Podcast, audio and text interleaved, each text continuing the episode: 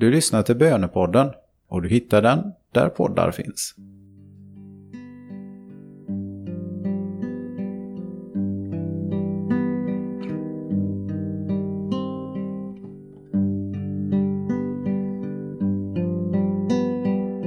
Det är inte lätt att finna den rätta stillheten för Gud. Särskilt när det är en bestämd sak som tar upp tankarna. Ett beslut som ska fattas eller något man går och väntar på. Då är det lätt att bli otålig och på så sätt mista friden. Men Herre, nu ber jag dig, gör mig stilla. Stilla kan jag bara bli när jag lägger över allt på dig och inte går och bär på det själv. Herre, tala till mig, så ska jag vänta och lyssna.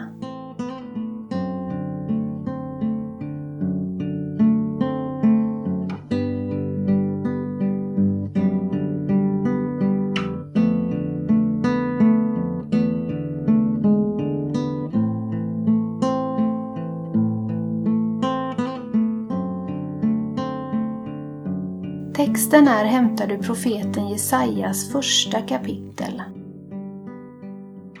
Lyssna till Herrens ord, Sodoms furstar. Hör vad vår Gud har att säga, Gomorra folk. Vad ska jag med alla era slaktoffer, säger Herren. Jag är mätt på brännofferbaggar och gödkalvars fett. Jag vill inte ha blodet från tjurar och lamm och bockar. Vem har begärt detta av er när ni trädde fram inför mig? Ni som trängs på mina förgårdar, kom inte med era meningslösa gåvor, jag avskyr offerröken.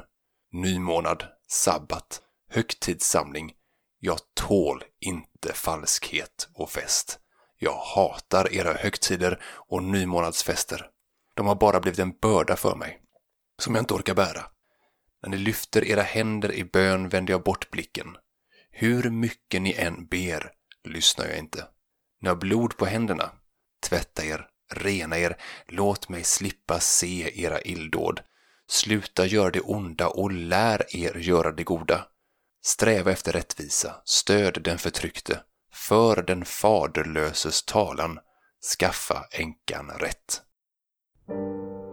Jesaja proklamerar Guds vrede över folket och nog har Gud skäl till att vara vred när han ser vad Sodomfurstarna och Gomorrafolket ägnar sig åt.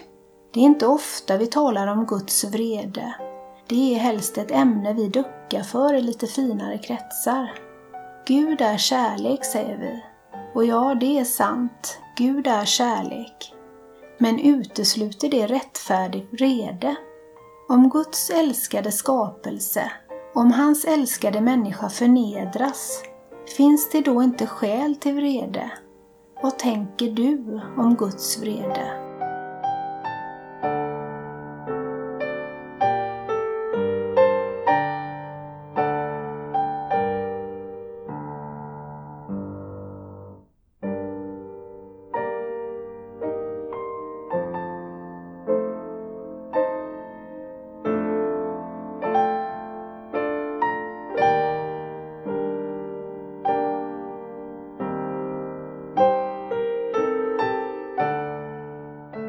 Är Gud vred eller kärleksfull?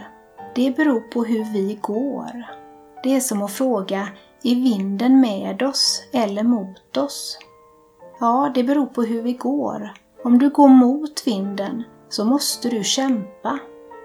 Men om du vänder dig om, om du omvänder dig, så går du plötsligt med vinden och stegen blir lättare. Vad har förändrats? Du eller vinden. På samma sätt är det med Gud när vi går mot hans vilja, hans plan, hans lag. Då går vi i vreden. Men när vi omvänder oss så går vi i hans kärlek. Vad har förändrats? Du eller Gud? Vår tro måste ha ett inlopp och det måste ha ett utlopp. Om den saknar det ena eller det andra så blir det ingen frisk tro. Vårt inlopp är den helige Ande. Vi fylls på i bönen, i nattvarden, i kyrkans gemenskap. Vårt utlopp är de goda gärningar vi gör mot vår nästa. Den som påstår sig älska Gud men förtrycker sin nästa avslöjar bara att han eller hon är en hycklare som i själva verket hatar Gud men älskar sig själv. Hur får du ihop tron med livet?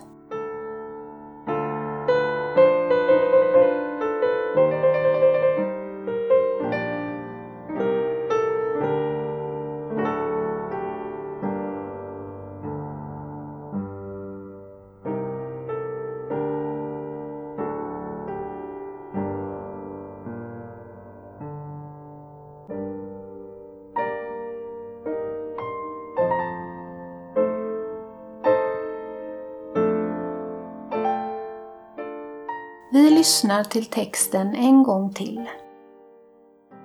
Lyssna till Herrens ord, Sodoms furstar. Hör vad vår Gud har att säga, Gomorra folk. Vad ska jag med alla era slaktoffer, säger Herren. Jag är mätt på brännofferbaggar och gödkalvars fett. Jag vill inte ha blodet från tjurar och lamm och bockar. Vem har begärt detta av er när ni trädde fram inför mig? Ni som trängs på mina förgårdar, kom inte med era meningslösa gåvor, jag avskyr offerröken. Nymånad, sabbat, högtidssamling. Jag tål inte falskhet och fest. Jag hatar era högtider och nymånadsfester. De har bara blivit en börda för mig, som jag inte orkar bära. När ni lyfter era händer i bön vänder jag bort blicken. Hur mycket ni än ber lyssnar jag inte. Ni har blod på händerna. Tvätta er, rena er, låt mig slippa se era illdåd. Sluta göra det onda och lär er göra det goda. Sträva efter rättvisa, stöd den förtryckte, för den faderlöses talan, skaffa änkan rätt. Ägna de sista ögonblicken åt att tala med Jesus om var i ditt liv du kan tjäna honom bäst. Be om kraft att kliva ner från dig själv idag och istället sätta din nästa högre än dig.